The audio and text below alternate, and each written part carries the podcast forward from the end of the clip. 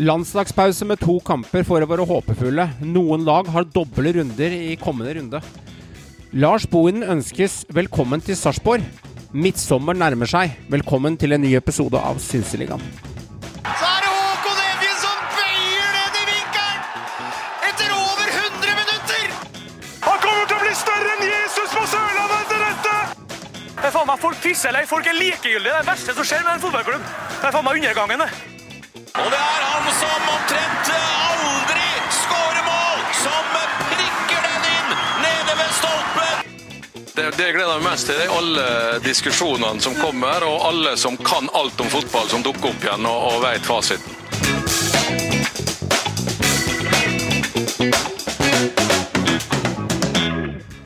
Velkommen skal det være, gutter, til en ny episode av Synseligaen. Vi kan jo starte egentlig rett på. Vi har en ganske, ganske ok agenda i dag. Jeg må jo si at eh, det er gledelig å ha en sånn en liten pause eh, og faktisk se noen landskamper. Jeg hadde gleda meg Håvard, til å sette meg ned og se Luxembourg og Hellas. Vi fikk med en sliteseier mot Luxembourg, og så var det ganske begredelig, i hvert fall spillemessig, det jeg opplevde mot eh, Hellas.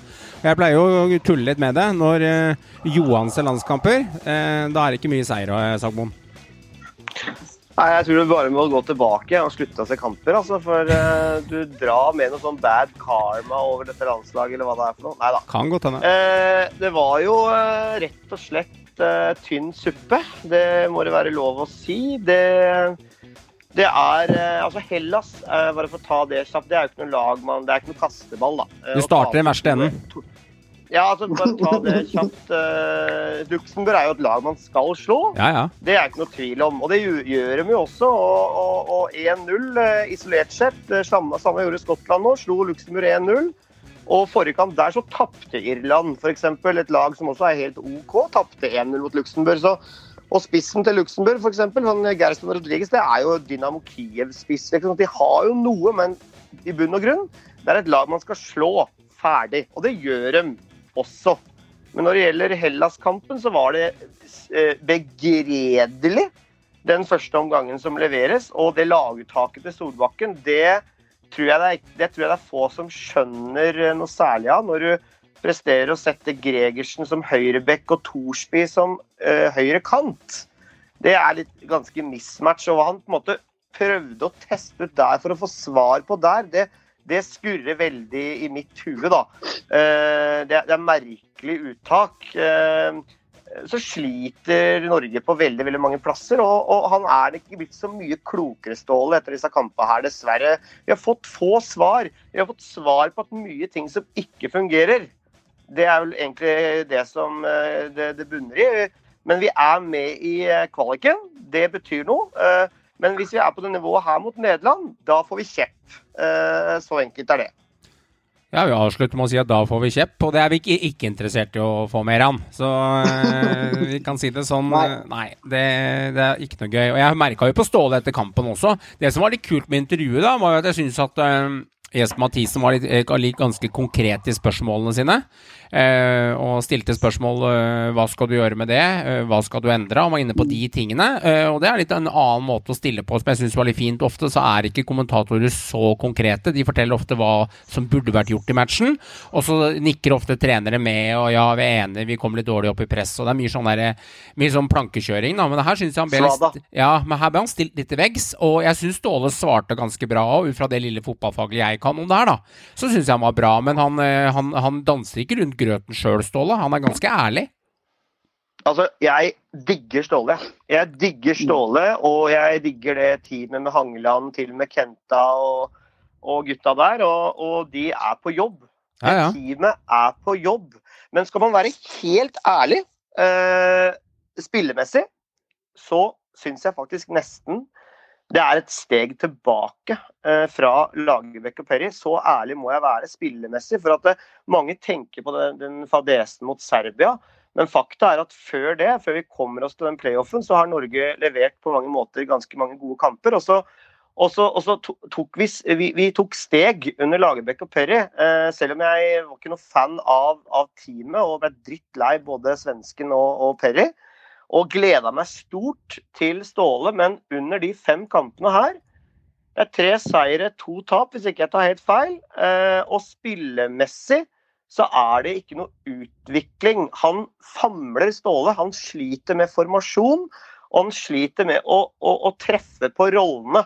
Og, og det, det, er fælt å si det, men kaptein Martin Ødegaard han har ikke fått noe god start som kaptein. Han må mange hakk opp.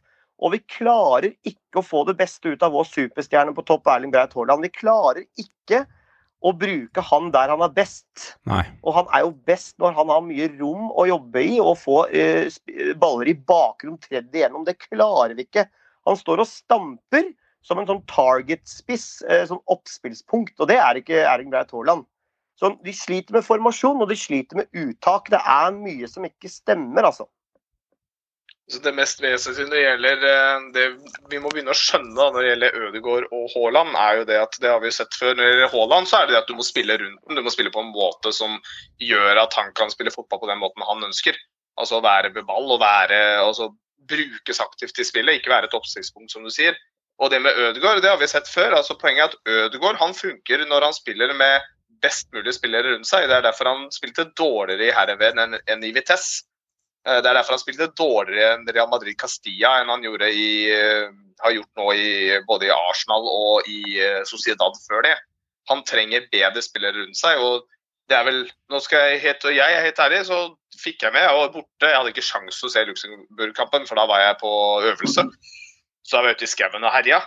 Eh, men jeg fikk med meg at de klarte å vinne med ett mål på slutten, og da var egentlig ikke den Hellas-kampen så veldig viktig for meg å se, for det hørtes katastrofalt ut i mitt hode. Men det eneste jeg har fått med, da, er at den eneste som faktisk, i hvert fall i utenlandsk presse, har fått godkjent av de norske spillerne, er faktisk Ødegaard. Mm. Men som de sier, han prøver så godt han kan, men spillere rundt den funker ikke. Det er det nesten alle utenlandspresse, i hvert fall i England og i Spania, uh, som har vært borti den kampen, har sagt.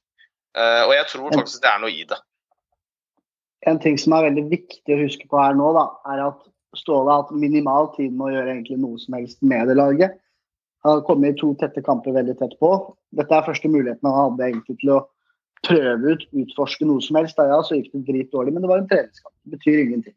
Mm. Uh, så må vi heller ikke glemme at utenom eliteseriespillerne på det landslaget, så var resten i ferie. Altså, de, har ikke, de er ikke i sesong. Det er veldig vanskelig å prestere da, når du egentlig har gått i offline-modus, og så må du skru på knappen igjen. Så det var ikke overraskende at kampene endte som de endte, for min del. Altså. Nei, altså, det blir jo litt sånn typisk feriefotball, men jeg er enig i hva både Riise og Rekdal poengterer, og flere andre, at det, når det er samling, og det er så få kamper du har til å på en måte spille laget inn da, før de vanvittige kampene i september. For da på en måte mange Møres mm. gjøres avgjøres kvaliken. Da må du faen meg sørge for å være i form, da. Da får du, da får du, da får du holde deg i gang. Altså, De beste spillerne i Europa skal spille EM nå. Det er der lista ligger. Eh, dette var en veldig veldig viktig samling for Norge. Eh, de møter eh, lag. Eh, altså Hellas kom fra 1-1 mot Belgia, liksom. Eh, men det er sånne lag du må slå for å på en måte komme til et mesterskap. Og Jeg er litt skuffa over hva Norge presterer. Jeg, jeg, jeg hadde håpa nå at Prosjekt Ståle eh, skulle på en måte kommet lenger, for du får ikke så mye mer tid til å spille inn et lag. For det er rett på. Eh, det er ikke, det er ikke ti mm. kamper før du må prestere. Du må prestere her og nå. Det er det det handler om i internasjonal fotball. Det er ikke så mye samlinger å gjøre det på. Så, så han, han, famler eh, i, i, mine øyne. Og og jeg, eh, jeg, jeg er veldig skuffa over Martin. Ja, han har ikke så mye gode eh, spillere rundt seg som han har i f.eks. Sociedad eller han har i Arsenal. Men det er litt av det samme som går igjen som ikke i Real Madrid, og også på mange måter i Arsenal. Han eh, gjemmer seg litt bort. Han blir anonym. Han må stå foran. Han må være den kreative kraften for Norge. Han er kaptein, han skal gå foran. For meg så gjemmer han seg. Du kan si mye om Stefan Johansen, men han, han ga i hvert fall jernet, da og blødde for drakta. Eh, spillemessig var han ikke god nok, men han, han trøkka til. Og, og hadde Ødegaard må bli mer mann. Han må på mange måter Han er ikke Martin 16 lenger. Vi må være kritiske rundt uh, et spillet han leverer nå. Og, uh, og, og jeg er litt skuffa over norgeskapteinen. Han får venta mer. Altså, han klarer å spille Ødegaard rettvendt. Altså Haaland mer rettvendt Altså direkte mot mål. da. Klare å tre mer ball. Må tørre å spille på litt eh, mindre marginer. Eh, jeg forventer mer. Og, og Norge sliter veldig med formasjonen, for vi kom fra 4-4-2, og Ståle har gjort om det. Nå er det på, Hvilken formasjon spiller vi? Ingen veit hvem som er den beste formasjonen til Norge nå. Ikke sant? Vi, det er veldig uklarheter i hva som er den beste formasjonen til Norge. Og ikke minst, hvem er den beste elveren? Ingen veit det nå. Men jeg, altså, jeg tror jo det er helt sikkert det er, Jeg mener jo åpenbart at det er det som er problemet. og Jeg er enig. altså Alle her er jo å si, Solbakken ble valgt. Kjempebra. Konge. Alle syns det er gøy. Men eh, jeg, som du innledet med, altså det som er vist hittil, det, det, det, er, det er ingenting å skryte av. Altså Null og niks. eh, Og jeg hadde forventa ikke bare mer, jeg hadde forventa mye mer. fordi han tok ikke over et lag i komplett eh, altså oppløsning. Han tok opp et lag som på mange måter fungerte, men ja, Ja. det virker, virker rett og slett som at laget er blitt dårligere under eh, Solbakken. Og altså, da, ne, ja, vi liker han, men det er ikke mange, og litt pga. det du sier, da, det er ikke så mye mange kamper å gjøre det på. Da er det heller ikke så veldig mange sjanser Solbakken har heller på å få dette laget her opp og gå. Han må faktisk det Problemet er, tror jeg, det er treneren og de over spillerne, for spillerne er ikke trygge nok på det de driver med. Det er, tror jeg er problemet. Ikke spillerne, men fordi de er ikke trygge nok på hva de faktisk skal gjøre på banen.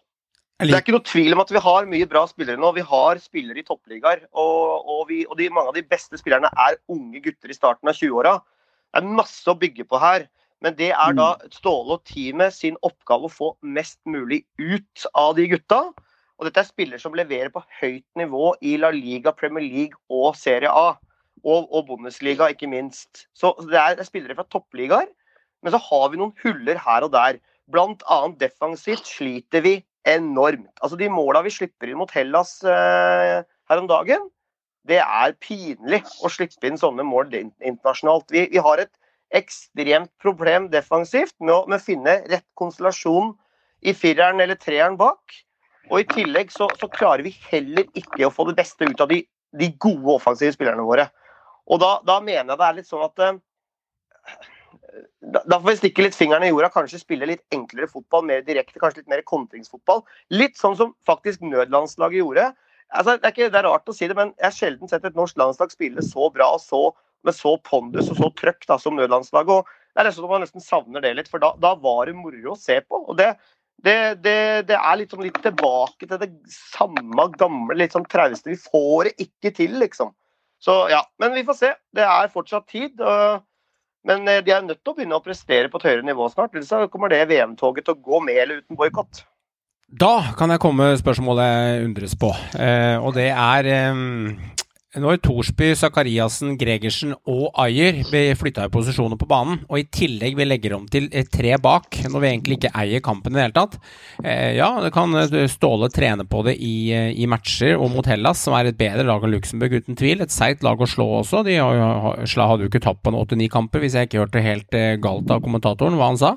Men jeg får litt sånn derre det er, det er mye trening da på posisjoner de spillerne egentlig ikke normalt spiller i. Doff er den som er nærmest, men eh, de blir jo ikke akkurat spilt gode her heller. Og hva kan vi forvente i en match som dette her heller, eh, når vi møter et Hellas-lag som er ekspert på å lime igjen og slippe inn få mål? Så eh, kanskje går vi greit ut av dette her, selv om det endte med tap. Jeg, jeg, bare tenker litt høyt. Ja, men Hvorfor skal du bruke altså poenget når det er så få samlinger? Da Ja, Da kan du ikke bruke disse samlingene til å Altså Jeg skjønner ja, du bruker en treningskamp til å prøve litt nytt, gjøre noen nye vrier, prøve noen nye spillere. Men du kan ikke bruke disse treningskampene til å raljere rundt på laget ditt. fordi du har så få ganger Hadde Norge vært et lag som vant masse kamper, og som var et godt lag, og man ville prøve noe nytt, ja. Men Mm. du, vi er jo ikke det. Vi er jo et lag som må finne ut hvordan vi skal spille. Da kan vi ikke drive og prøve oss på masse gjall og la spillere spille i posisjoner de ikke er vant med å spille. Altså, det virker jo helt idioti for meg. Altså, Så det altså, er rart. Ja, jeg lufter er tankene, så får dere diskutere litt. For jeg skjønner at det er irriterende. For å ta de to konkrete da, som han gambla på. Han gambla på Gregersen på høyre bekk. Der har vi da en Bundesliga-bekk i Julian Ryerson på benk. Vi har Jonas Svensson på AZ, som holder et bra nivå. Og så skal du sette ut en Molde-midtstopper på høyrebekken. Og så skal du spille med en bikkje av en defensiv midtbanespiller, Morten Thorsby, på høyre kant. Når du har formspillerne i Eliteserien eh, på benken med Aron Dønnem. Og så har du Jens Petter Hauge, og så har du Moe Elonussi. Da, da, da skjønner jeg ikke det trekket med å teste Morten Thorsby som kant. Det, for meg er det helt meningsløst i en treningskamp. Eh, hvilken svar forventer han å få? Jo, han forventer å få et svar at det ikke funker, og det gjør det ikke heller. Og Det kunne jo skjønt med en gang. altså Det skjønner jeg virkelig ikke. En annen, et annet problem som Norge har, det er at uh, vi har to gode spisser. To uh, gode spisser. Ta med King, så har vi tre. Hvis vi skal være snille, så tar vi tre, tre gode spisser. Uh, Sørloth og, og, Braut de er ikke vant til å spille i spann to stykker sammen. De er, ta, altså, de er nummer én-spisser. Sørloth er riktignok litt på benk, men de er spisser som spiller alene på topp. Ergo de funker ikke som en duo. Så jeg på en måte tror man at man tar det litt tøffe valget. Og uh, Nå var riktignok Sørloth på benk nå sist, men, men, det må være én nummer, nummer uno som må være på topp. Mm. Og så må det være en hard, hard kamp om å starte på topp der. Og så må vi spille eh, på andre strenger. Vi kan ikke uh, sette folk inn i andre posisjoner bare for at vi skal ha med de såkalt beste. Jeg mener at en 4-3-3 Snakka med, med, en kompis nå nylig. 4-3-3 det ligger i ryggmargen til mange norske spillere. Mange som kjenner den formasjonen der veldig godt. Og vi har også et mannskap som kunne gjort det der på en bra måte. Jeg tror at Og direkte liksom, kontringsfotball med 4-3-3, det tror jeg er litt veien å gå. Men problemet er at 4-3-3 det er ikke Ståle sin formasjon. Okay. Han er ikke trygg i den formasjonen der. Så 4-3-3 skulle jeg ønske å sett på norske landslaget. Mm. Ja, nei, vi kan jo snakke om dette. Vi er mye engasjement i hvert fall i dette landslaget her. Jeg så i hvert fall begge matchene. Fikk... Veldig mye engasjement. Ja da. Det, det var stusslig den første matchen. Jeg syns nesten var litt ja, bedre å få litt motstand fra Hellas. Men de produserer jo to-tre to, sjanser, Hellas. De, de, har jo ikke enormt, de heller. Men når, når... Nei, ja, de er jævlig effektive. De er det, men eh, det er lov å være effektiv i fotball. Det er en egenskap, det òg. Eh, og de, de, har jo vunnet EM på det, hvis ikke jeg husker helt gærent, i 2002. Oh, yes. Stemmer ikke det? Det var tidenes kyniske fotball, det. 2004, 2004 ja, med Otto Reagel der. Riktig. Så det er, det er jo mulig. Så um, nei, la oss hoppe litt over til eliteserie, så får Ståle sy sammen dette mannskapet eh, så godt han klarer. Synd ikke, ikke Døndum klarte å få noen minutter mot det Hellas der. Han fikk i hvert fall ikke Det var ikke mye han fikk spille for å si det sånn. Så um, nei, det er Det får ligge, og så får Ståle trylle eh, med Norge selv. Det er litt doble kamper, karer, i eh, kommende eliteserierunde.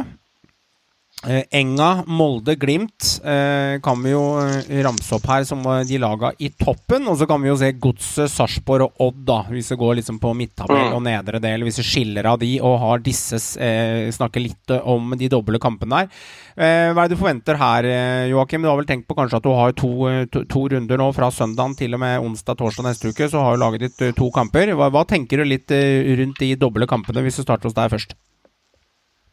Nei, det, det, er jo deilig å bli kvitt de to kampene, det er egentlig det jeg tenker, da. ja, ok, ja. Jeg, jeg levner faktisk Godset en liten uh, sjanse hjemme mot Rosenborg, rett og slett fordi Godset har en tendens til å spille godt hjemme mot uh, RBK. Nå, kanskje ikke nødvendigvis de aller siste sesongene, men sånn historisk sett så har ikke Rosenborg på Marienlyst vært noe sånn Rosenborg har veldig sjelden at Rosenborg har bare jogga seg til en seier på Marienlyst. Det er sjelden. Mm. Så jeg har et lite håp om at man kanskje kan dra ut noe av den kampen, men det er klart, selv om ikke Glimt er det slagene var før, så Godset har aldri vært et lag Med unntak i fjor, faktisk. Det er jo kanskje det eneste året Godset har spilt en, nesten en god fotballkamp på Aspmyra, tror jeg. I hvert fall som nesten jeg kan huske. Men i fjor spilte de en veldig bra kamp. Den tapte vel, hvis jeg ikke husker helt feil, men det var jo det var en veldig god kamp. Så mm. nei, det det blir tungt. Jeg skal, være, jeg skal være voldsom optimist om jeg forventer å få med noen poeng fra de to kampene sånn som det ser ut nå. Det må jeg helt ærlig innrømme. Mm, mm. Ja.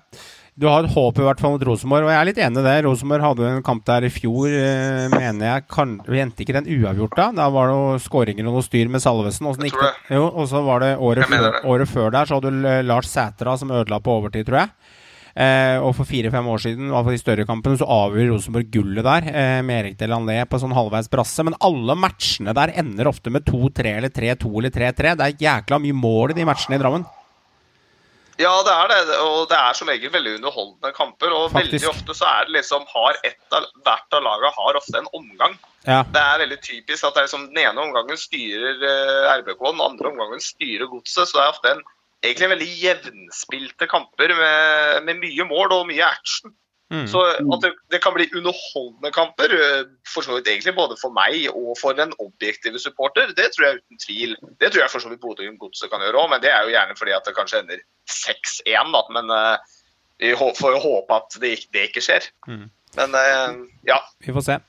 Eh, Molde, Meran, hva forventer du litt av de? Ja? De har to matcher nå. De får Sandefjord. Det skal jo egentlig være en klink B, men det er jo det ek en av de ekleste lagene å møte i bunnstriden der. Klink B for klassisk der. Men så mottar de Sarpsborg hjemme i, i Rosenes by, eh, og de har en hengekamp der. Men Ja. Sarpsborg Ja. er jo også et lag som kan plutselig karre til seg en 1-1 og få et litt sånn seig en. Jeg vet ikke, Det er Ja. mine tanker. Hva tenker du? De er jo seigt lag, seigt defensivt lag. Jeg tror faktisk Molde tar det, ja da. Jeg tror Molde stikker av. De bør stikke av med seks poeng i de to kampene der. Ja. Skal de uh, henge med i toppen. Så enkelt er det bare. Mm. Ja. Håvard, din tanke rundt Molde. Eh, de må også kanskje henge med pga. at Rosenborg eh, har jo litt poeng å gå på der nå. Og det er greit å kunne i hvert fall henge med trønderne. Så lenge, så lenge de er kapable til det, Håvard. Ikke sant? Vi er der, ja. Vi er der, ja. Uh, nei, jeg, uh, jeg ser jo på Molde som favoritt uh, i, de, i de kampene der. Spennende å se hvor uh, Sarpsborg ligger nå, da, med godeste Lars Bohin inn der. Hvordan det vil om det ville på en måte med en gang liksom sette sine spor, og om det ville på en måte en boost. De har jo fått en treig start, Sarp. Mm. Eh, På mange måter har de det. Eh, Jeg tror ikke det er mange, mange som gråter for at Mikkel Stare er ferdig, for å være helt ærlig. Eh, Det blir en sånn litt sånn ny start nå, og tidlig i sesongen, men, men Molde ser jeg på som favoritt. Jeg ser på mange måter som Molde som favoritt i de fleste kamper, egentlig, for å være helt ærlig. Det, for jeg syns at det er det beste laget sånn på papiret, men det er, det ikke mange kamper og poeng de kan avgi nå. De, de er nødt til å henge med der. De har en kamp mindre spilt enn RBK, da. Det skal sies. Det er helt korrekt. Så Nei. Det blir spennende å se. Deilig med runde til helgen igjen nå. Ja, veldig. Eh, Vålerenga også. Eh, men de har, de har, det er litt seire, da, Meran. Eh, de får Viking borte. Det kan jo være bananskall, selv om Vålerenga kanskje er en knappe favoritt der. Men Viking kan jo slå hvem som helst. De kan også tape mot hvem som helst. Det har vi snakket om tidligere. Det er jo helt umulig å si. Fikk jo plutselig litt, eh, litt eh, kraftsalve mot eh, Haugesund. Da har vi Haugesund satt på alle sylinderne. Og så plutselig så blir de flådd i Trondheim. Så du, du veit aldri med Viking. Men det, det er jo kommende kampen til helgen. Og så eh, tar de mot Odd i den siste hengekampen. Eh, og Odd er heller ikke et lag som er lett å spå på resultatmessig, selv om Nei, det er fort det er gjort to å lag. Ja, det er vanskelig. Det er to seige lag. Det er to seige kamper for Vålerenga. Men, men jeg sier det samme der, det kjedelige svaret jeg sa om Molde òg. Skal du være med i toppen, så er det, det, er to kamper som skal vinnes. Men det er klart, den første der er, eh, er ganske seig. Eh, Jeg tror faktisk Vålerenga tar Odd. Men uh, Vikingkampen, den tror jeg kan bli tøff. Håvard, eh, dine tanker rundt eh, Vålerenga. Eh, de har jo fått en, de tok jo Molde, og de har i tillegg eh, klart å, å klore seg fast i toppen. Jeg vil jo si det. Hadde De klarte liksom å henge eh, The hanging snore, som Nils Arne sa. De klarte, Hva tenker du der? Er du enig med han?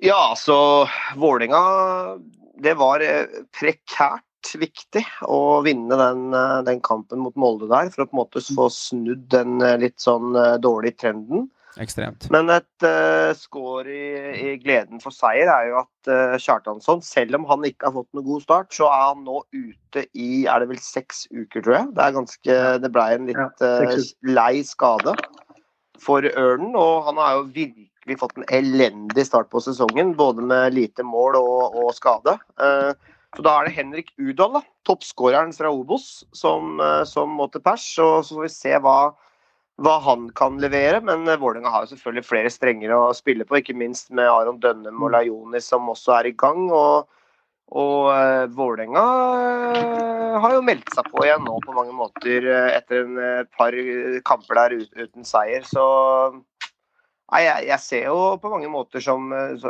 poenga som, som favoritt også, jeg må, jeg må si det. Det er litt kjipt med Kjartansson. da. Det er liksom sittet og vente på at han skulle løsne for han. At nå, Ja. nå kommer det til å løsne. Og, og så kan det hende hadde gjort det, hadde ikke vært for den tåa som jeg mener er ikke helt intakt der. Var det en brekt tå, stemmer det? Jo. Jeg er litt usikker Ja. på skaden. eh, Om det var tå eller hva, om det var Oh, akilles, jeg er litt usikker, Jeg kan, jeg kan faktisk, faktisk, eh, dobbeltsjekke det. Litt øyeblikk her. Eh, Gi meg et lite sekund. Det klarer Men jeg. det oppå alt det han har strid med nå Ja. privat òg, jeg tror det Ja, brudd, nei, brudd, i fot. Det står ikke, men jeg syns jeg, syns jeg leste et sted at Ja. det var nummer to. Men uh, arrester meg gjerne, dere og lytterne. Men det er brudd i fot er det det står. Men ok, brudd i fot. Mm. Men jeg trodde kanskje han skulle klare å komme og løsne nå etter en runde eller to. Og så ender det med da at han får en seks, seks kanskje det blir sju, kanskje det blir åtte kamper i hvert fall. Hvem veit? Seks kamper er kanskje minimum. Og så ender man at da begynner man å snakke om at halve sesongen har gått. Mm. Og Enga har jo ingen på en måte spisser bak Udal. Nei. Så nå står de litt sånn Det er det eneste kortet de har å spille på spissplass, da. Ja. Eh, og han må liksom Han får jo masse spilletid nå. Bra mulighet for han da til å ta vare på den muligheten han får.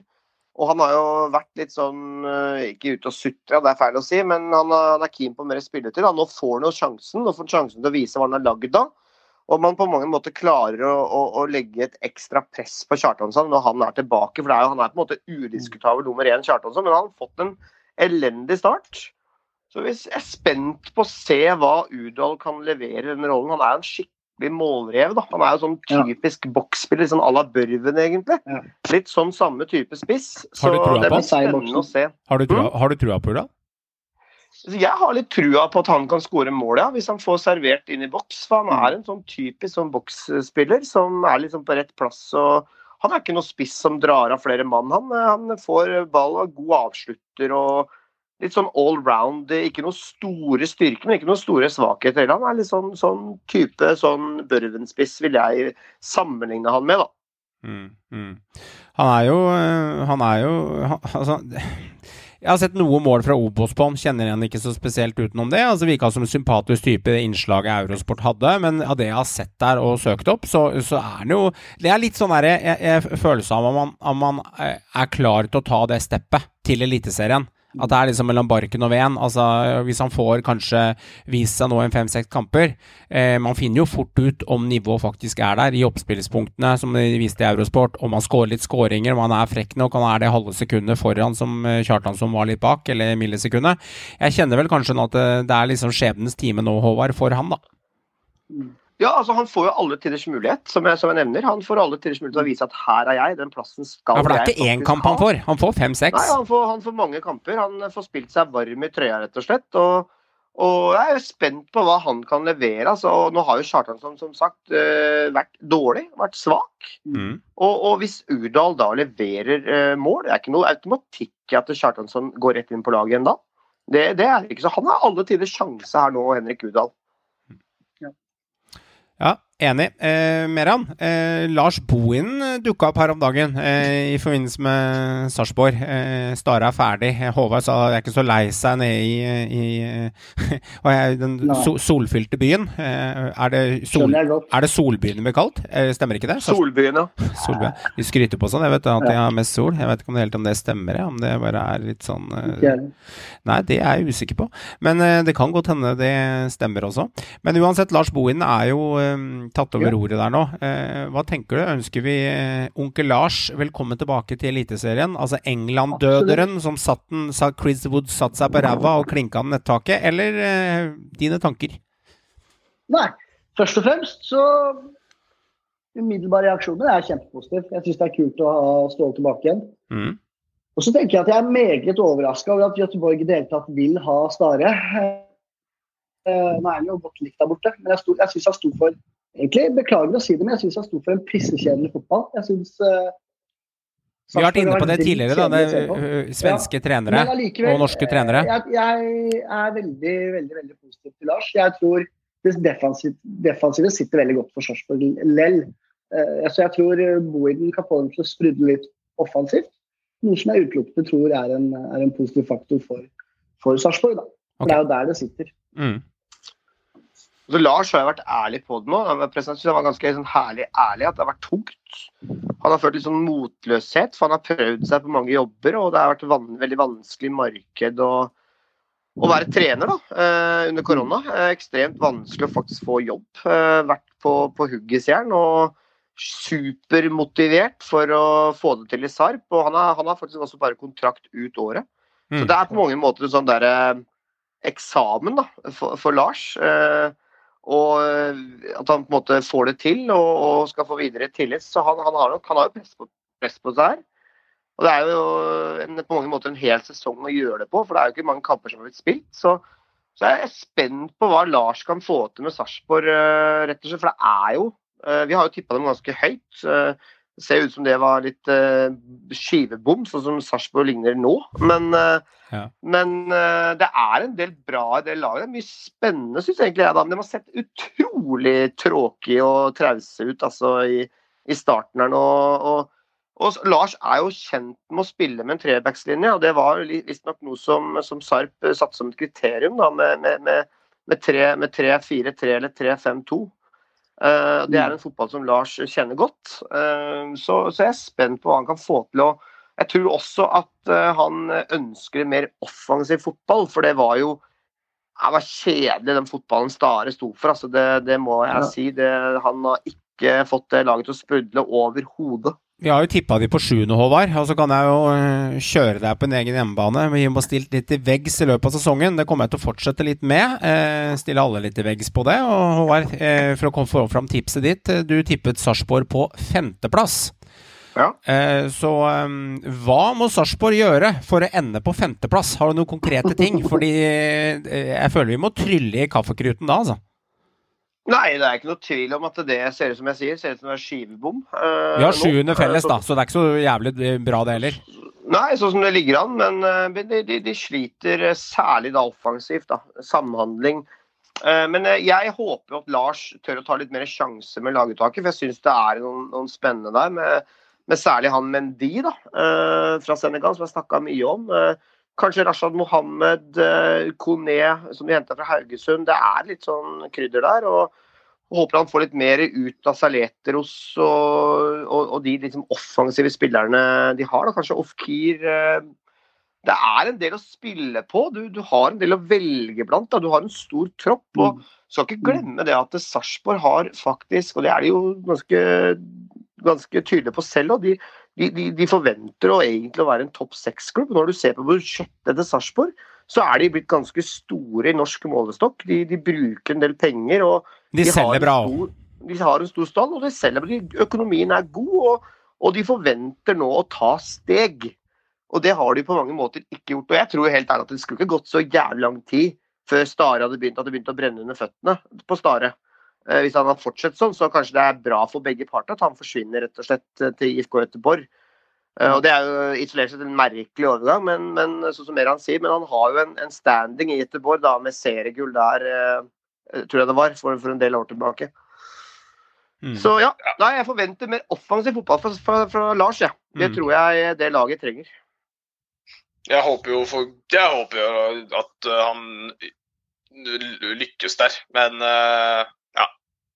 Vi har vært innom det før, da. Eller jeg har vært innom det før i en den her. Altså, hans track record i Eliteserien er ikke akkurat mye å rope hipp hurra for. Så det Ja, jeg håper det funker nå. eh, og at den faktisk får dem opp, og at den i hvert fall ikke havner i noen. Jeg har ikke noe behov for å ha Sarpsborg nedi der. Eh, det er et typisk lag som jeg stort sett syns har syntes det har vært gøy å se på å spille fotball. Mm. Jeg er veldig spent, jeg må innrømme det, for han har jo ofte trent lag litt lenger ned på tabellen, kan du si.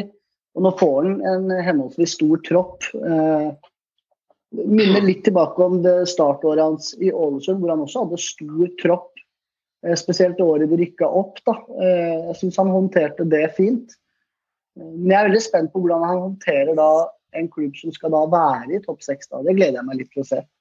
Jeg tror han absolutt har psyken til det, men eh, skal vi se om han har evne til å få formidle det til gutta.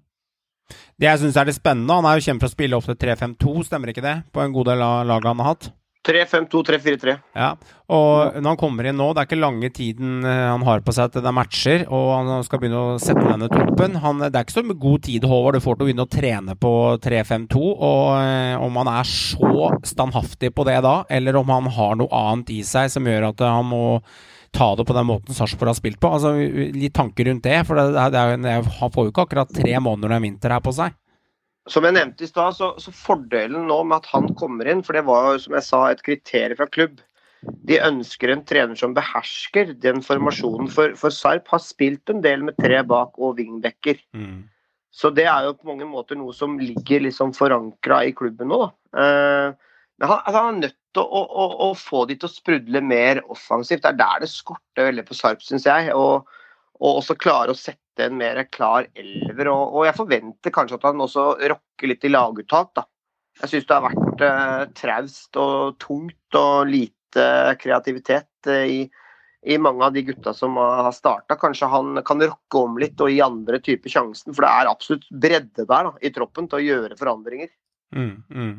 Det er det, eh, men eh, det er den treningsdelen, Håvard, som er liksom avgjørende der. Å få spilt dette inn. Det er ikke så enkelt å bare sette folk i 3-5-2, og hvilken tropp er det du har, du må gjøre litt. Det må trylles til fra høyre til venstre. Det må det.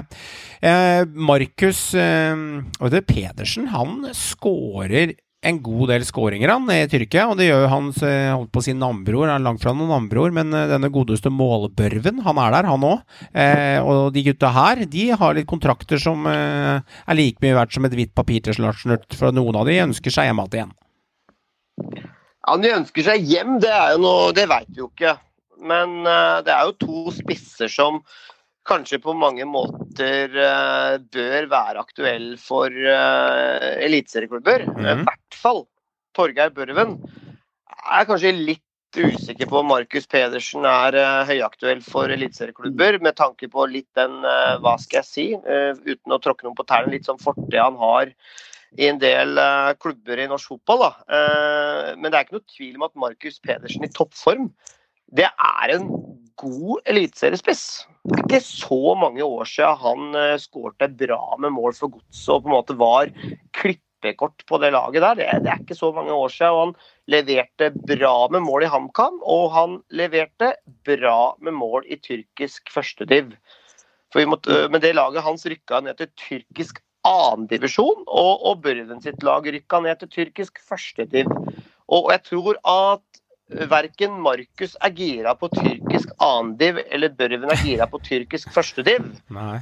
Så jeg tror at uh, dette her er to karer som, som vil være aktuelle for en retur til norsk fotball. Men, men jeg tror nok at en spiller som Børven sitter med ganske gode kort på hånda, etter at han faktisk har levert tosifra med mål i tyrkisk uh, liga. Så jeg er litt usikker på om norske klubber på mange måter nesten har råd. Ja, altså. Eh, det, det, det, det spørs litt. og jeg tror at han kan fort få tilbud fra andre utenlandske klubber. Eh, Mitt kjære Brann, jeg skulle gjerne se Torgeir tilbake i Bergen. Det er for meg en drømmesignering i eh, sommer. Med Torgeir tilbake i typisk 4-3-3, som han kjenner godt.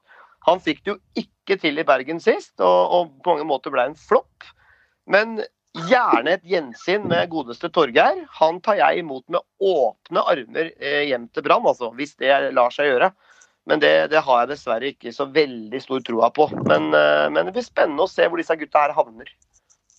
Altså, tilbake til realiteten, da. Så, er det det Håvard Håvard er innpå. da. Men at han har Børven sitter med ganske god kort på hånda. Han, var, han ble også blant de gode statsa kåra til den mest effektive angrepsspilleren i Tyrkia også. Det er viktig å få med seg. Han sitter med gode kort. Jeg tror han faktisk blir i Tyrkia. Jeg tror han ender opp med en ny tyrkisk klubb. Godt hende. Og så, og så er jeg litt sånn usikker på, på Markus, altså. Jeg tror han kommer hjem. Hvis en klubb vil satse på ham. Ja, du, Han har blitt nye nomaden, han nå. Nå, nå jager jo HamKam opprykk, da. Fått en god start. Du skal ikke se bort ifra at han kommer hjem til Kamma. Altså. Du kan skje. Ah. Du kan ikke se bort ifra det. Det er ikke umulig. Ja, men eh, jeg, jeg tror ikke Det er det er opprykkskamp på Hamar nå, så Rekdal har fått en god start. Vi får se. Ja, jeg ser den, men jeg tror kanskje det ikke er usannsynlig at han kan eh, At han faktisk kan eh, gå til en eliteserieklubb også. Hvem er eliteserieklubb er som trenger spissa? Du nevner Brann, Håvard. Kunne, kunne han vært noe, Markus? Altså, det er funny, vet du. Det verste er at eh, jeg- Begge er jo gamle Brann-spillere òg.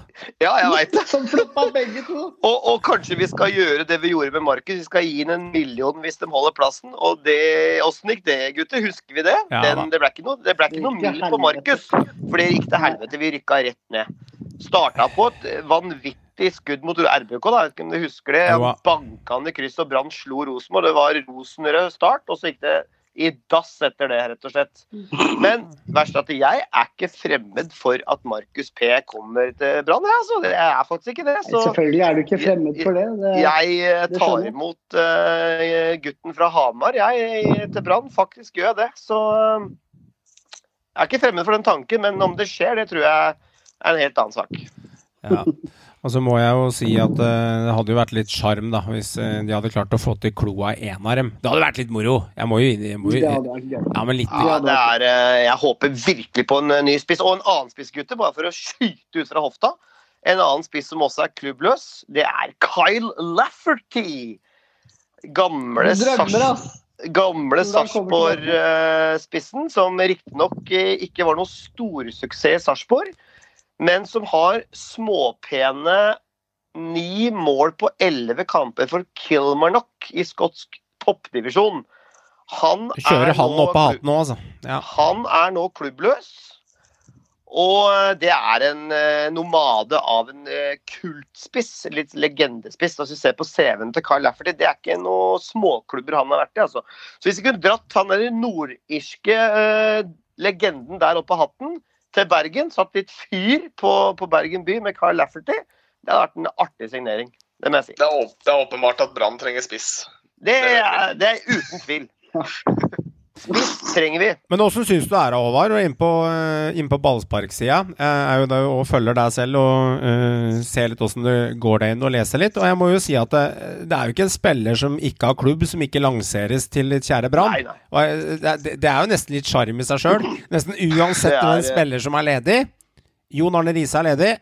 Få han inn. Torstein Helstad, hent han. tilbake. Det er der, nesten der, vet du. Det er nesten der. Hent Torstein tilbake. Det er eh, mye skruer innpå den sida der. Det, det skal sies. Der er det Der er det trøkk. Der er det trøkk, ja. Eh, Har, har du sett Men, noen har du sett, eh, nei da, Men jeg- Cato Cato dukker vel ikke opp, vel? Nei da, det er ikke det. Er noen, det er noen folk med peiling der, og så er det andre som er fullstendig bak mål. Men uh, Nei da. Det blir, det blir artig å se hva sommeren bringer. Eh, nå kommer jo godeste Jimmy Nagel eh, Nimi Jagel Jakobsen. Ja, ja. Spennende hva Jimmy kan dra på hatten. Han, uh, han har nok et uh, OK nettverk. Tross alt uh, Mm. bakgrunn som agent, eh, og også vært scout i både Vitesse og FCK. Eh, flere klubber. Han har god erfaring. Han har ikke noen gode skussmål da, fra dansk fotball. Det skal sies, men er nærmest kjeppjaga fra Esbjerg, så de var jo grisehappy når han forsvant. Så det er jo et eh, wildcard eh, sjansespill Joker Nord som Brann eh, prøver seg på her. Så det er jo kontroversielt i ekte Brann-stil å hente en sånn mann. Um, Ja. Men veldig spent på hva som kommer inn av spillere. For jeg, vi, må, vi kan ikke sitte med Aune Heggebø som toppspiss, altså. Selv om han riktignok skårte mål i debuten, så, så håper jeg det kommer inn noe. Ja, og så skjønte jeg jo at uh, han godeste dansken hadde litt uh, Det var litt uh, uheldige arbeidsvilkår som skjedde der i, eh, i Danmark. At, at, de, at han kom til en klubb som eh, ja, Som jeg hadde skjønt det, så, så begynte det å gå dårlig sportslig med klubben. Og da blir jo liksom midler og alt litt u... u altså, det, kan dette er en bra fyr, egentlig? Det er én ting som er sikkert innenfor fotballverden. Man får jobber og mister jobber. Det er, det er ingen som er eh, legende eller, eller Nei, nei, klasse nei. Nils, Det er ikke mange Nils Arne Eggen, da, som er en er untouchables. Og, og, og det som jeg syns er litt sånn ensidig, da i, i Uten sammenligning for øvrig med Nils Arne, men du skjønner bildet Ja. mitt. I fotballverdenen er- generelt er det jævlig vanskelig å være på topp, da. Hele Altså, det er du aldri. Du, du er aldri uh, bare on, uh, på en rosa sky i en fotballkarriere. Det er knalltøft. Det er mye nedturer, og så Ja, er det noen oppturer. Det er mest nedturer, og så er det en del oppturer for, for veldig mange. Men, men det er ikke noe tvil om at han er ikke noe dumskalle, dansken. Han har jo tross alt vært i en del store klubber. Men jeg synes det, på en måte, det er typisk bergenspressen da, som, som kaster seg på og heller bensin på bål og nesten skal skyte den på torget før han har kommet inn i, i stillinga, liksom. Så, så poenget er at eh, Nei, jeg, jeg, jeg velger å på en måte være litt sånn uh, åpen. Jeg håper at han kommer inn med noe bra. Får håpe at de på en måte har truffet der, og at han også kanskje kommer inn med noe, noe, noe litt spennende inn. For jeg vil jo tro at det kommer noen overganger i sommer. At Brann har noe å handle med. For vi trenger jo mer kvalitet inn. Og en av hans oppgaver er jo spillerlogistikk. Så, så jeg håper han har allerede noen på lista si. Så det blir spennende å se. For et par uker siden mer, så var det brenning på torget, og nå, den gangen her så klarte Håvard å lire seg at noen skulle skytes på torget i Gåstegn. Han mener jo ikke det, men det er artig, da. Det er Det er Gåstein. Her er det skyting og brenning. Vi ønsker ikke å skyte brenne noen. Jeg, jeg lurer på når på, påskjørt på Fløibanen kommer, jeg. Altså, det, det, kanskje jeg skal bruke den. Altså, det, det, det er trøkk i Bergen, da. Det skal sies. Det er høyt Det er engasjement. trøkk. Det er Det er, Det eh, er det. det kommer i hvert fall forslag fra disse gruppene på hvem spillere som skal inn, og hvem som skal ut, da. Så um, Men for å Det er jo litt artig òg, da. Ja, ja. Jeg elsker jo det. Barmen ut. Jeg kan ikke skjønne at de ga han en ny fireårskontrakt. Ja, sånn er det. Men, du, men vi kan jo snakke litt, om, snakke litt, om, snakke litt om kampen eh, til eh, eh, Brann, som kommer eh, til helgen der. Du, dere skal jo borte mot eh, Solbyen Sarpsborg, Håvard. Ja, det høres jo Ja. ut som en traulig 1-1, men det er bare i mitt hode. Men hva du tenker selv? Det, det har ikke vært traurig å se på Brann i år. Eh, enten den ene eller andre Det har faktisk ikke det. Det har vært litt trøtt. eh, Det har vært eh, vanvittige kamper, da. Eh, det, det har jo vært i alle kampene deres. Ja, ja. Vært nerve og, og drama. Det er ikke måte på. Nå spilte de treningskamp i dag. eh, Vant 3-0 mot Øygarden. Monga Simba skårte igjen. Og, eh, og han godeste barnebarnet til Kniksen skårte sitt første sitt andre mål. eh, Og for barnebarnet til Eh, Kniksen, det er første, Yes, første rad på teatret. eh, Niklas Jensen Vassberg eh, fikk spilletid og skårte igjen. Og så var det vel også Aune Heggebø faktisk som putta, så, så, så Brann klarer i hvert fall å skåre mål. Eh, Det er ikke verst mot, eh, mot eh, den motstanden der. Så nei, altså jeg er positiv. Jeg, jeg, jeg tenker at nå, nå er vi i gang. Nå kommer det trepoengene på rekke og rad fremover for, for Brann. Vi må være positive. Ja, Du drar den, ja. Det blir, skjer det, så hadde du vært Han drar den, ja. Ja, han drar den. Jeg drar den. Ja. Yes, herlig. Vi skal gjennom disse litt av kampene her etterpå. Dere har fått eh, noen av kampene hver av dere, eh, som dere skal få lov til å spå litt resultater på. Eh, det pleier vi å gjøre. Og neste rundes spådom. Og eh, jeg må jo si jeg er litt spent da, på noen av kampene her som er ganske tette. Og det er ikke bare bare når du begynner å se i kortstokken på hva som skal leveres her. Fordi det høres kanskje enkelt ut for Molde og Rosenborg borte mot Godset der. Og så skal Bodø-Glimt ta imot Godset også. men det er ikke Det er som Håvard sa for en undersiden. Eliteserien. Det er ingen lette kamper. Nei, det er uten tvil. Men jeg må bare skyte inn litt sånn eh, Skyt i vei. Det sier litt om hvordan, hvordan kaostilstandene er i, i, i Bergen. Altså, når du da har henta to nye stoppere, mm. og han eh, Viuk Sané han har ennå ikke kommet seg til Bergen. For der har det vært trøbbel med visum, og sikkert passet hans og ikke veit jeg, men ennå ikke kommet seg til Så han har ikke starta på karantenetida si engang. Og eh, Lars Christian Krogh Gerson han skulle visstnok være ute i to-tre uker med en uh, ubetydelig skade. Og dette, hadde de sjekka med Racing Santander, de hadde sjekka det med Gerson selv selvfølgelig, og agent osv. Så, videre. så viser det seg pga. korona så hadde de ikke muligheten til å kjøre noen medisinsk test. Så når han kom til Bergen, og de fikk sjekka det ordentlig, så viste det seg at skaden var mye mer alvorlig, så han er ute i tre måneder. Lars Christian Ge- Gerson uten å nesten knapt rørt en ball. Så de to overgangene der har ikke Brann fått mye nytte av foreløpig, kan du si. Så eh, vi får vente til Felix Horn Myhre kommer, tror jeg, før vi får, eh, får, får en spiller inn som kan bidra. Tenk deg Sånn har det. det gått. Det er, eh, og det har sikkert ikke vært bra. Det er litt den der, eh, uten sammenligning for øvrig, det er litt sånn Lillestrøm-greia. Altså Velg heller én eh, spiller du går for 100% på Ja. papiret, og så går du all in for en eh, spiller sånn som Godset gjorde med Valsvik, istedenfor å sånn plukke en her og plukke en der. For, eh, Horn Myhre, grei, fin squad-spiller. Eh, ikke noe fast på laget til Enga. Det er ikke sikkert han kommer til å prege Brann enormt heller, men han, han gjør en god innsats, har litt å vise til.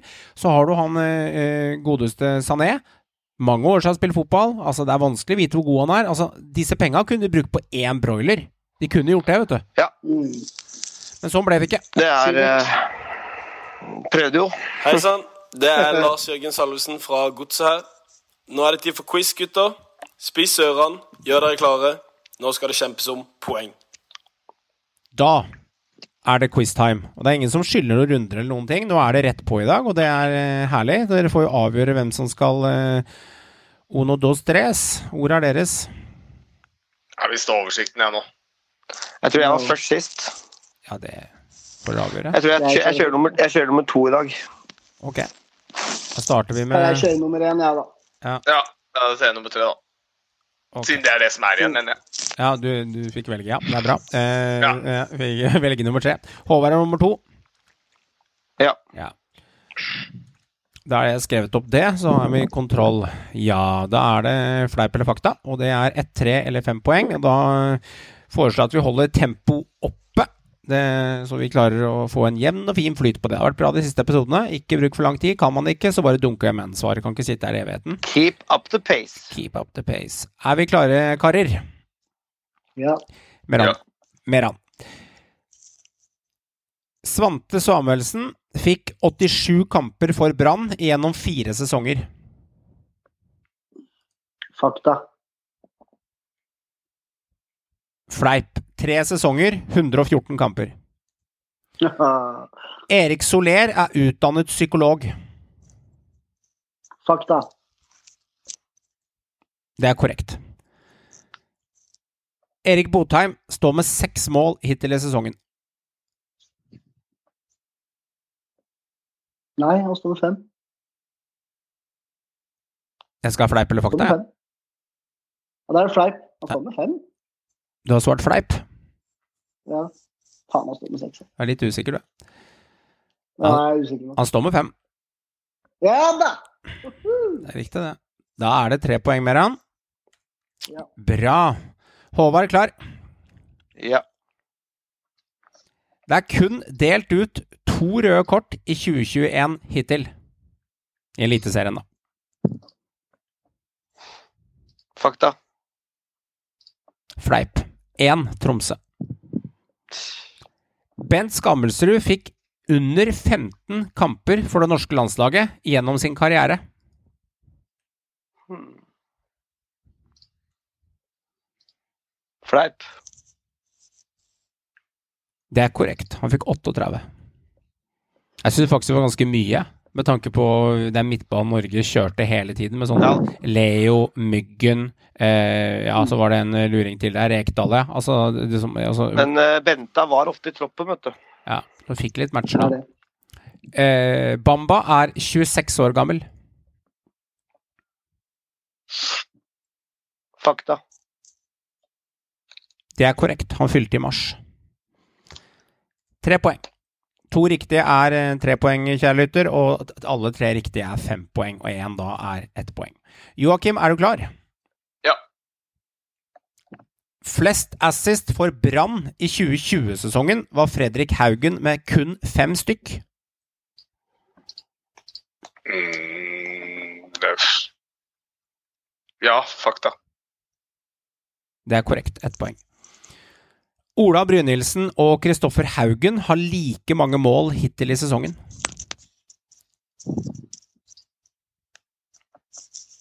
Uh,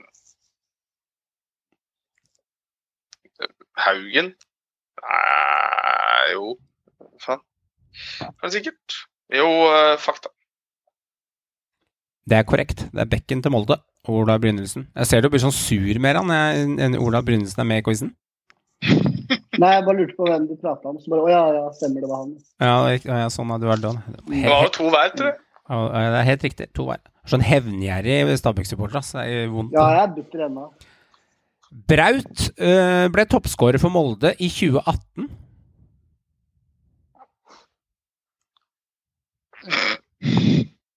Hæ?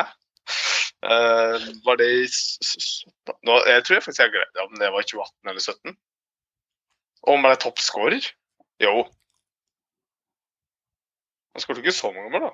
Ja, påstanden min er det. Eh, Er det men jo, jeg, jeg, ja, jeg tror han gikk ut som toppskårer. Tror man hadde veldig, man hadde masse forskjellige så- målskårere denne sesongen, tror jeg. Jo, jeg tror det. Jeg tror han gikk ut som toppskårer. Han hadde ikke så mange mål, tror jeg. Nei. Ja, Hva, hva går du for? Jeg går for fakta. Det er korrekt. Selvfølgelig måtte jeg gå for fakta nå, fordi nå har jeg tre fakta. Jeg veit jo bedre enn å tippe at den siste er fleip. Ja, det er helt tilfeldig, faktisk. Det ser jeg Det tror jeg ikke noe på. Jo, det ser jeg ingenting på. Det bør settes bare direkte opp, og så randoms det gjennom. Så det er ikke noen regler der. Eh, Men det er riktig, det. Det er eh, Da svarte du korrekt, fakta, og han har skåra tolv mål. Nice. Da er det fem poeng. Herlig, herlig. Da ligger du ligger du i tet før vi går inn i runde to. Meran, er du klar? Jeg trenger det. Jeg er klar. 1, 2, 3, 4, 5, og du satser først på hintet mål. Mm. Tre. Hva heter toppskåreren til Sandefjord akkurat nå i Eliteserien? Nordmann Hansen. Endelig svar avgitt. Endelig svar avgitt. Du har to toppskårere. Oi. Du har Nordmann Hansen, ja, det er Nordmann Hansen og Sander Moen Foss. Beklager, men jeg skal ha to navn. Tre poeng borte. Land.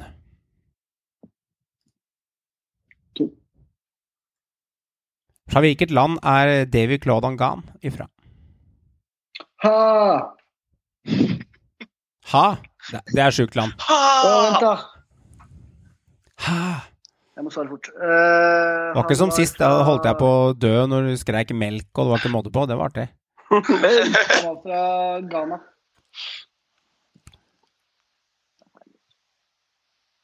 Ghana er notert, og Ghana er er feil. vet du.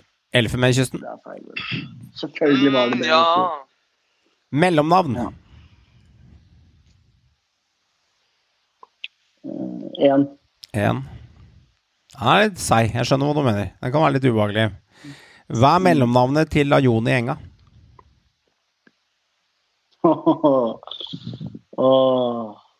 Det veit jeg faktisk Vi hadde jo, eh, hadde jo Jonathan Levi med den gangen, vet du. Jonathan Alberto Levi, og det var mye rart der òg. Så det er ikke så Ja. enkelt, det.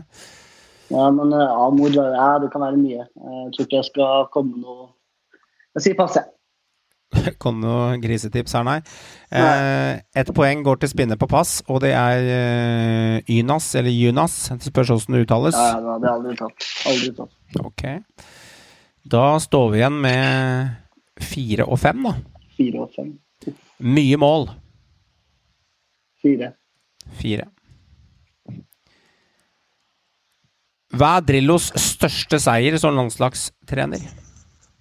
Åh, ikke Resultat. det Resultat.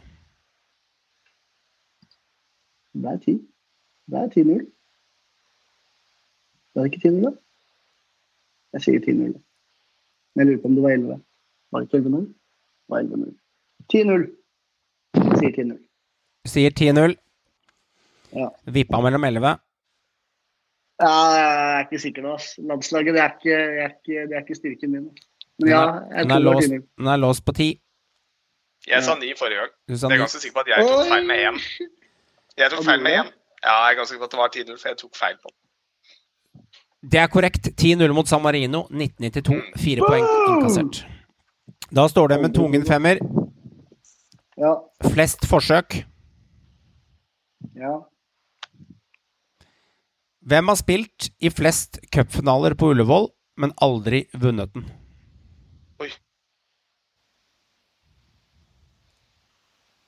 Å, Og det var, det var eh, spenstig. den er spenstig. Den kan være, være litt vanskelig igjen, men du får jo alt mulig i denne masterquizen. Hvem som har spilt det, det, Dette laget har spilt flest cupfinaler og aldri vunnet. Det er spørsmålet ditt. Spørsmålet mitt er stilt. Ja. Flest forsøk. Hvem har Ja. spilt i flest cupfinaler på Ullevål, men aldri vunnet den? Hvordan du tolker det som spiller eller lag, det er opp til deg.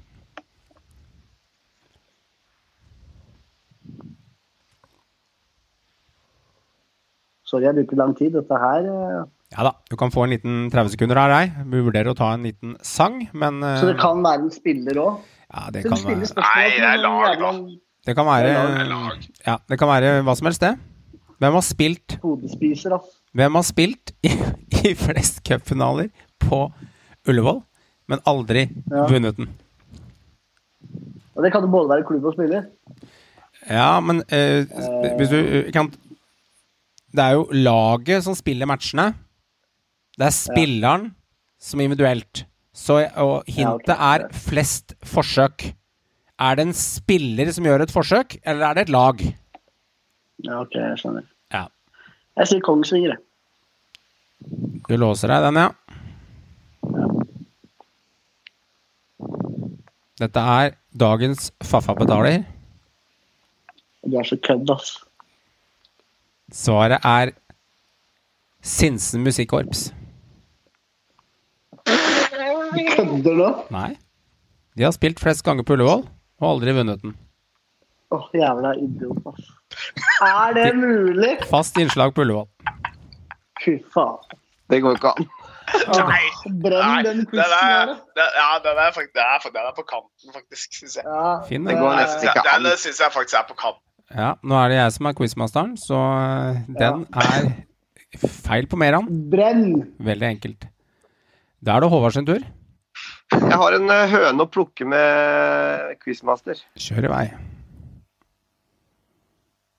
Har nemlig fått en tilbakemelding på Twitter Ja, der godeste quizmaster har gjort feil. ok. Det er, Det er fra Kjell to... og det er ikke så ofte at quizmaster gjør feil. Tenk deg alle feila dere gjør i quizen, ved å svare feil hele tida. hatt en del avgjørende feil. Men litt på etter... Dette er fra Kjell Tore Engvik. Engvik, kjør i vei. Hva sier Engvik? Litt på etterskudd med poddene. Så mulig noen andre har retta på dette. Men det var altså Christian Gytkjær som ble toppskårer i 2016. Frode Johnsen la opp i 2015 fire poeng til Håvard. Så jeg skal ha fire poeng ekstra, quizmaster. For jeg sa Christian Gytkjær i dette spørsmålet. Ja, enig. Og da pleier jeg å eh, da spørre de andre i panelet om det er greit, eller lar dere avgjøre. Jeg driver moderne lederskap, eh, sånn som Det er, har ve- det er veldig enkelt, da. Er det blitt dobbeltsjekka? Og jeg tror det er riktig, for jeg er ganske sikker på det òg. At Christian eh, Gytkjær er er toppskårer for det er Rosenborg av alle lag, hvis jeg ikke tar helt feil. Yes, Riktig. det er helt riktig. Og Det var der, det jeg svarte. det er spørsmålet. Det har gått noen runder. Uh, Meran, godkjenner du fire poeng til Håvard? Ja da. Ja. Og eh, Joakim skjønte jeg kanskje gjorde det også. Ja, Da er det godkjent. Da er det fire poeng innkassert. Mm. Hva sier du da? Beklager, må du si. Da sier jeg at uh, når jeg lager Alle, kan- alle kan gjøre feil! Nei, jeg har sagt mange Du ganger i må jo sjekke fakta. Gå Ja. og spill på en fløyte. Ja, det er det mer han svarer deg. Eh, jeg, sitter, sitter, jeg, sitter med så, jeg, sitter med så eh, mange spørsmål, og det kan noen ganger gå en kule varmt, og det kan noen ganger skje feil. Og sannsynligvis her så har jeg punsja gærent på det svaret versus en annen linje. Så det er bare bommert fra Quizmaster, og sånt skjer. Så det er bare beklagelig. Så that's life. Det er bra folk følger med, da. Ja. Rett er rett. Veldig bra at folk følger med. Det er tegn på at de liker quizen, og det liker vi. Ok. Håvard, er vi klare? Ja. Ja.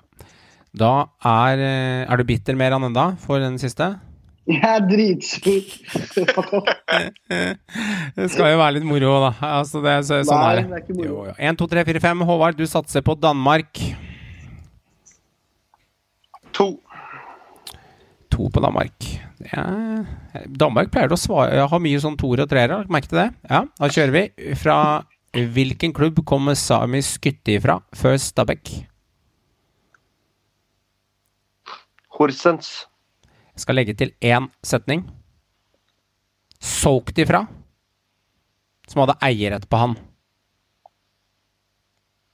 OK. Han kom Det kan hende er Horsens, men jeg bare vil ha med den setningen så det ikke blir noe krangling på det. Du har svart Horsens, så kan du bestemme selv om du skal stå på det, om de eide han og solgte, eller hva som skjedde, men hadde eierrett på han. Nei, jeg, jeg sier eh, Midtjylland. Jeg tror han var eiendom Midtjylland, faktisk. Han var på lån i Horsens. Er det, to, er det to poeng du satset? Ja. Svaret er Midtjylland. Horsens spilte han i. Da resonnerte jeg meg fram. Ja, det er riktig, for det gir deg korrekt hint her, ja. Bra. Eh, det interessante her er jo at han fikk faktisk eh, nesten ikke matche for Midtjylland. Fikk null. Men det er en uh, Champions League-klubb. Ja, ja det er, den klubben har så mye spillere, da. Altså, eh, Akintora Ja, ja, kommer ja. fra, helt vilt. Ok, eh, hvilket år? Én. En. Hvilket år signerte Besim Serbesic for Rosenborg? Jeg skal ha år, ikke dato eller måned.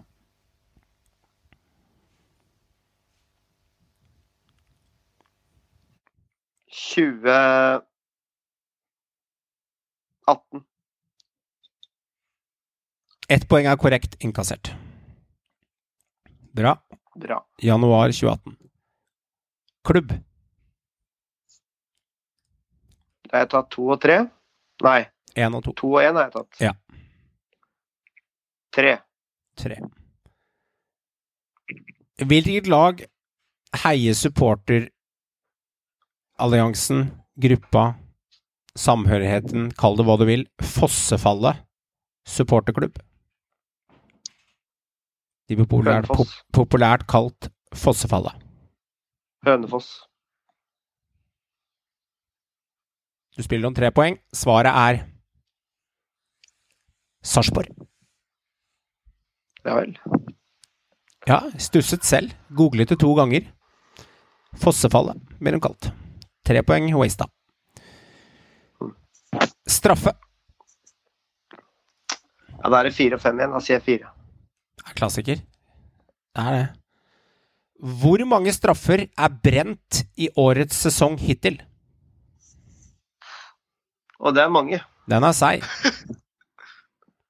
Det er mange. Jeg har, sier jeg har nevnt det i pod tidligere, og jeg har også snakket med det om deg. Du får ingen hint. Jeg sier seks. Seks straffer er notert ned. Svaret er syv. Fy faen. Den er seig. Ok, da er det en tvungen femmer. Flere klubber er hintet. Klar? Ja. Spilt for Enga, Lyn og landslaget i samme sesong. Spiller om fem poeng. Ja, hvilket år? Nei. Flere klubber er hintet. Så nevner jeg jo klubbene til deg. Spilt, hvilken spiller der? spilt for Enga, Lyn og landslaget i samme sesong.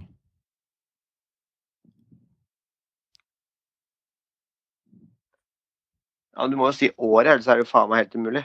Nei, er, du, klarer, klar, nei, Håvard, du får ikke noe år. Altså, du klarer elgen fra Tynset til Dundalk, liksom. Altså, det, her var mer han fikk en tøff en i stad. Du fikk en tøff en nå. Altså, du får lette spørsmål, du får vanskelige spørsmål.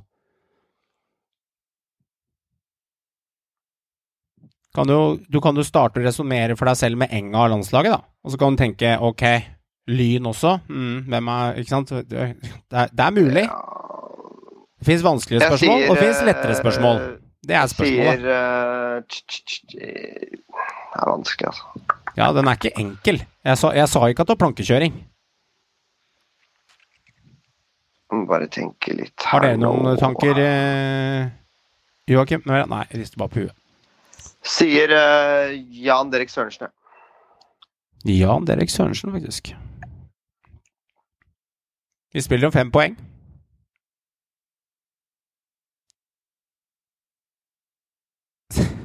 Svaret er Sinsen Musikkorps.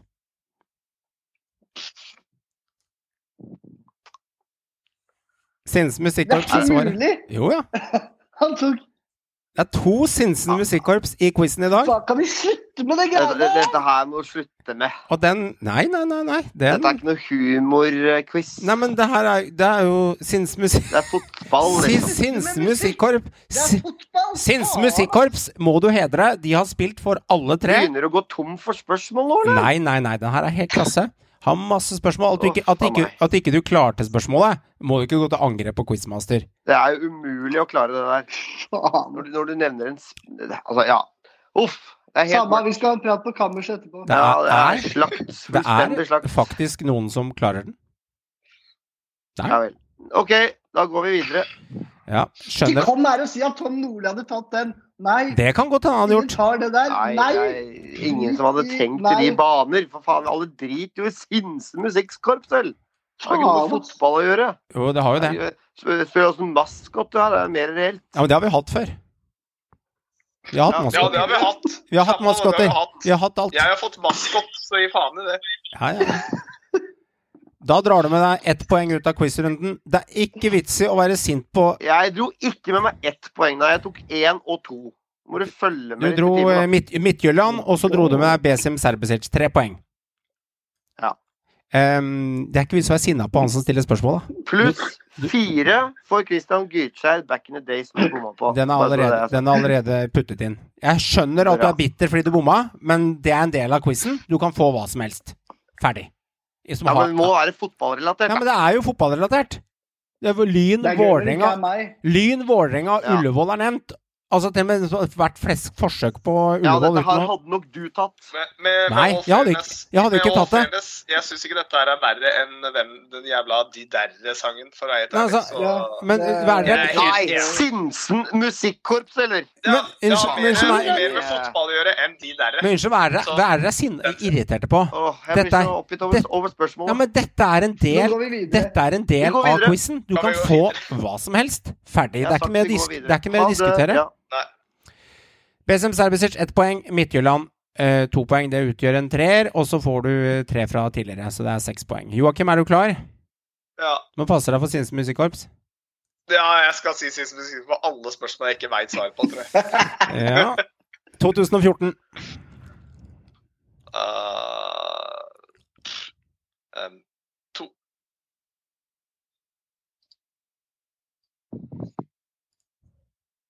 To? To. Ja. Sak to. Hvem ble toppskårer etter Kjartansson i 2014?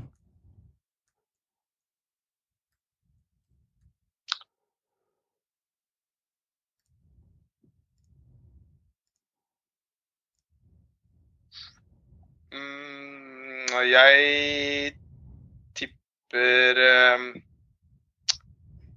Fikk jeg litt hjelp av forrige, for jeg tipper Christian Gytskjær. For han hadde et par sesonger på rad som han skåret jævlig mye mål.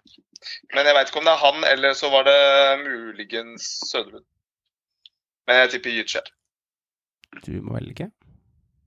Ja. Sinsen. Jeg tipper Gytskjær. Nei, jeg sier ikke Sinsen Musikkorps her. Jeg sier Gytskjær.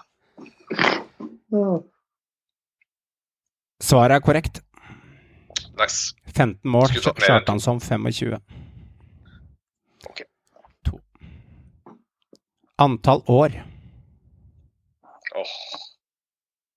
Igjen. Hvor mange år spilte Daniel Fredheim Holm i Skeid før han gikk til Enga? Har ikke peiling. Tre. Jeg sier ikke siste musikkorps nå heller, for det, passer ikke. Det passer ikke. Tre. Satsa du tre, satsa du tre eller fire poeng her? Én! Nå må du slutte. Men du sier tre, tre eller fire år? Nei, jeg sier tre år. Tre år, ja. Notert ned. Ja. Jeg satsa ett poeng. Ja, det skjønner jeg. Og så var du innom Ja. fire og innom tre, så jeg trenger et svar av deg. Fire? Nei, jeg har ikke sagt fire. Jeg sa tre, jeg sa tre fem ganger nå. Tre. Svaret er eh, fire. Faen. Skulle endra det til fire før du Du skulle gjort det. Ja, ja. Utlandet.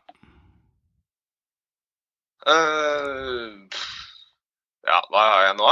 En toer og en ener jeg har tatt? Ja, én og to. Da, ta, ta tre, da. Det er- så kommer en sånn jamma spill. Hvilken klubb i USA var Erik Soler eh, general manager og sportsdirektør for i fire år? Hvem bryr seg? Ja, du kan Jeg vet ikke. Nei, jeg skjønner. Uh, Jeg så noen andre kunden her som irriterte seg at den vi fikk ikke den. klubber er det som finnes, da? Ja, det fins jo ikke med på MLS engang. Nei, da får du skyte ut noe. Um, hvor er det han kan ha flyttet? Må sjekke litt, tenke litt på Soler, da. Det er sikkert et sted med mye sol. Han er glad i sol, da. Um, og så er det ikke noe sånn jallalag midt i, midt i landet, tror jeg. Jeg tipper det er noe sånn stor sånn, En sånn stor en, Å nei, vet du, jeg er jeg med, kanskje New York? Uh, hva heter de i New York, da? Jeg kan de amerikanske fotballagene. Nei, de NFL-lagene. Hjelper det? Jeg skal ha navnet på klubben, så da får du skyte ut det du New kan. det, da. York ehm, New York uh, Hva heter de igjen, da? New York Yankees? ja, ja, det er det jeg sier. Jeg kan de andre. Jeg kan de kjempeamerikanske lagene. Nei, jeg har ikke peiling. Jeg, jeg, jeg, jeg har egentlig litt peiling, men jeg husker ikke. Um, New York, Men jeg husker ikke hva de heter. Jeg, jeg sier bare New York, jeg. Og så Hva heter laget New York igjen, da? New York Jeg skjønner hvor du vil hen, eh, men hadde du svart Ja. New York eller San Francisco, som er som har eh, navnet etterpå, for Ja, ja, jeg skjønner jo det. Jeg veit de ofte er opptatt av alt mulig Har vi ikke bytte til sånn Red Bull New York noe som Kanskje det er et av Red Bull-lagene? Jeg sier Red, Red, New York Red Bulls. New York Red Bull. Ok. Red Bull New York heter det, da. Ja, jeg bare sier det. Det er ikke det. Men uh, jeg veit ikke hva det heter. New York Eh, Jeg vil ha eh, nøyaktig hva du vil si. Ja, si. ja, Red Bull New York. Jeg husker ikke hva den heter, så jeg bare sier det. Men skal du ha New York først, eller skal du ha Red Bull først? Jeg skal ha New York sist, for det er det de pleier å putte. De pleier å gjøre det sånn. Ok. De heter eh, New York Red Bulls. Gjør de det? New York Red Bulls FC heter de. Totalt navn. Det er bra nivå i dag, gutta. Så, Ja, ja, det det- er jævlig høyt nivå. den var litt, uh, litt kjip. Eh, den var litt sånn Ja, greit. Men, Ja, men jeg syns det var godt tippa, da, med tanke på Ja, at jeg egentlig ikke hadde peiling. Ja, ja, det- Så syns jeg det var greit. kunne ja, det jeg som har svart, så har jeg svart Dolphins. Bare for at det hørtes fett ut. Så eh, Dolphins. ja. Colorado Rapids. Colorado Rapids. Ja, ah, der er et lag! Ja, artig, det. Vinner Nei, det blir fire, da, så blir det tunge femmer til slutten. kan ikke være Sinse Musikkorps på vinner. De har ikke vunnet noen gang på Ullevål. Så Åh, Drit i det musikkorpsa! ja, drit i for lengst. Det er jeg bare skjønner at du lar deg fyre. Hei, kanskje de får medaljer, vet du, og sier hvem har mottatt mest medaljer av uh... Hvem har sett flest medaljer på Ullevål? Det er dem. Ja. Nei, ja, greit, jeg tar fire, jeg, så tar jeg femmeren til slutt. Ok. Knut Hørum har vunnet én tittel og én pris i norsk toppfotball. Nevn hva han vant for. Jeg skal ha tittel og pris.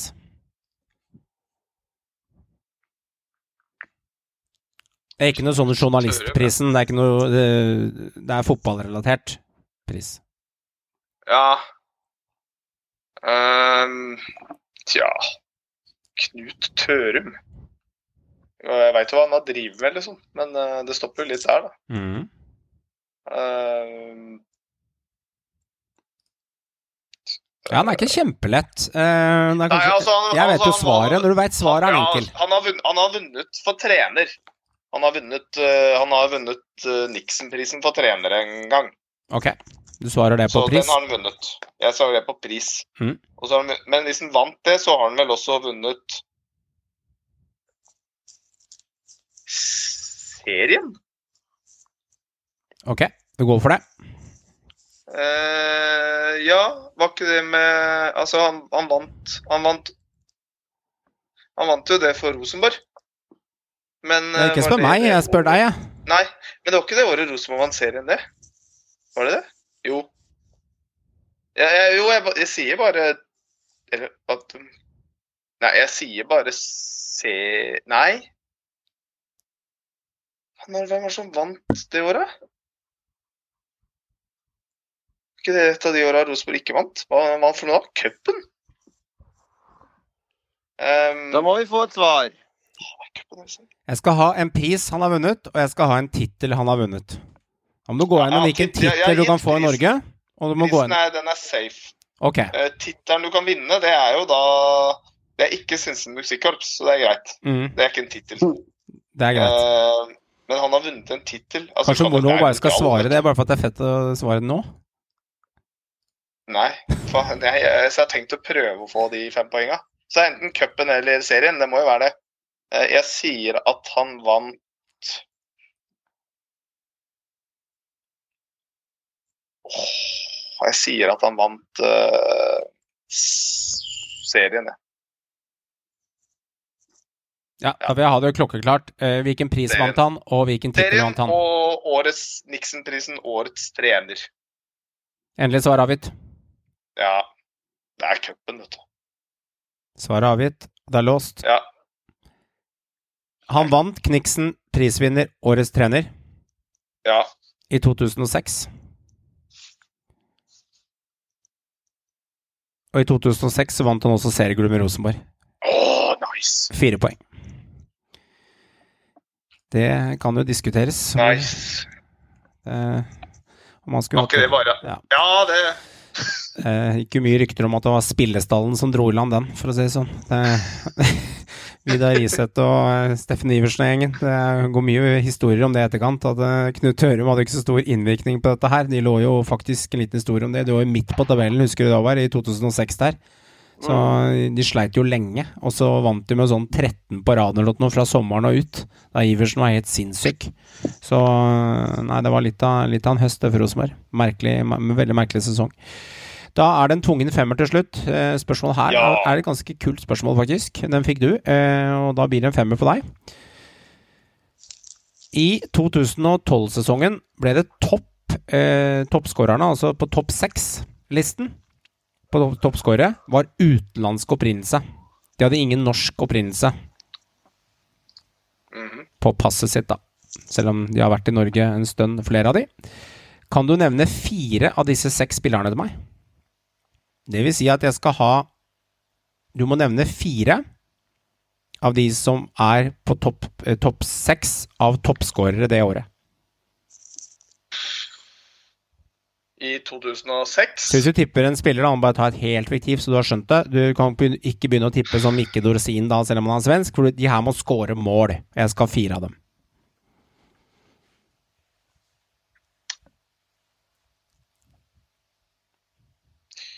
Petter EJ. Og Veigard. Og så stopper det egentlig opp. Helt komplett. Ok. Eh,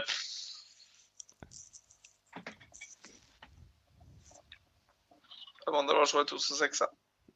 Nei, 2000, nei 2000, kompis, 2012-sesongen ble, ble topp seks på toppskårerlista. Utenlandsk opprinnelse. 2012? Ja, 2012. Ja, jeg, jeg vet ikke hvor jeg hadde 2006. Nei, det er helt greit. Nei, ok. 2012. Men jeg skal, fi, jeg skal fire av de spillerne Skal du tippe til meg? Der, kjære lytter, der skjedde det som enda ikke har skjedd i Synseligaens historie. Det skjedde en teknisk svikt på linjen, så når Joakim skulle svare på dette spørsmålet angående disse fire spillerne med utenlandsk opprinnelse, som ble fire av de seks som ble toppscorer i 2012-sesongen, så kuttet opptaket. Det fant vi ut etter at vi hadde spilt inn episoden. Joakim han eh, svarte Kovacs, Djuridic, Kim Ujo og Angan. Det er korrekt. Så eh, nå sitter jeg her og gir han de poengene uten at han er på linja selv, for eh, det opptaket det ble borte. Ondrasek er også korrekt på den topp seks-lista, og um, Rade Pritcha. Så Joakim han drar med seg fem poeng, han. eh, Og det gjør at eh, Joakim samlet fikk 14 poeng på denne quizrunden. Håvard fikk 6, og Meran fikk 7. Joakim står da med 152 poeng. Meran står med 159 poeng i quizen, og Håvard står med 207 poeng. Og så, i resten av eh, episoden, så var vi gjennom dette med å spå resultatene for neste runde. Eh, og da skal jeg bare lese, lese markeringene, som de sa på NRK Sporten i gamle dager når du leste tippekupongen. Men eh, Joakim eh, og Håvard og Meran og jeg, vi tippet resultatene.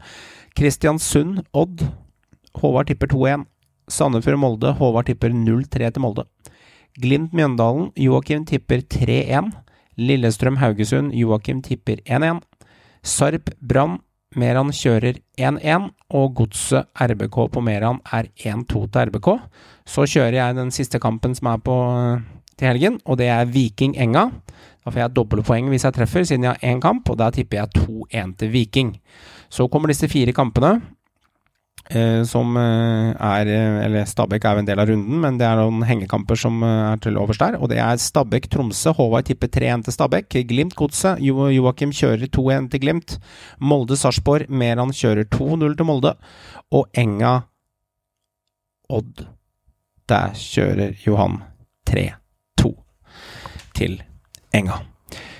Så snakket vi en god del om kampene. Vi snakket litt om hvordan vi trodde utfallet ville bli i kampene. Dessverre, kjære lytter, så får du ikke en del av å høre på det, og det varte i ca. 20 minutter. Men det var en teknisk svikt, det har vi ikke opplevd enda, og det beklager vi veldig mye til dere. Så eh, kan jeg ikke ringe guttene så sent opp på kvelden, for nå har alle gått og lagt seg. Og så skal vi gi ut episoden til dere, som vi ønsker å gi en best mulig lytteropplevelse til.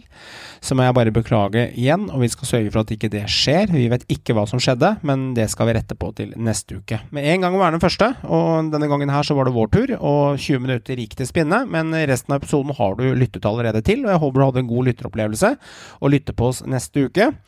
Vi snakket om Valsvik, Vangberg og Høybråten. Litt årsak til at vi snakket om de tre guttene i denne dobbeltrunden som kommer, det er fordi at alle disse her spiller mot lag de har spilt for før.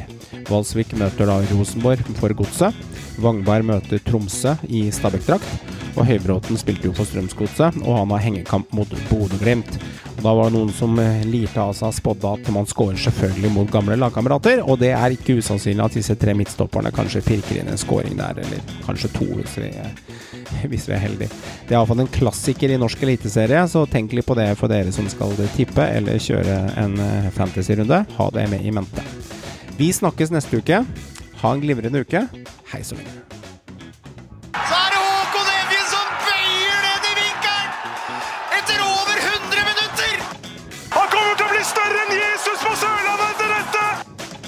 Faen meg Folk pisser eller folk er likegyldige. Det er det verste som skjer med en fotballklubb. Det er faen meg undergangen, det. Og det er han som omtrent aldri skårer mål, som prikker den inn nede ved stolpen! Det, det jeg gleder meg mest til, er alle diskusjonene som kommer, og alle som kan alt om fotball, som dukker opp igjen og, og vet fasiten.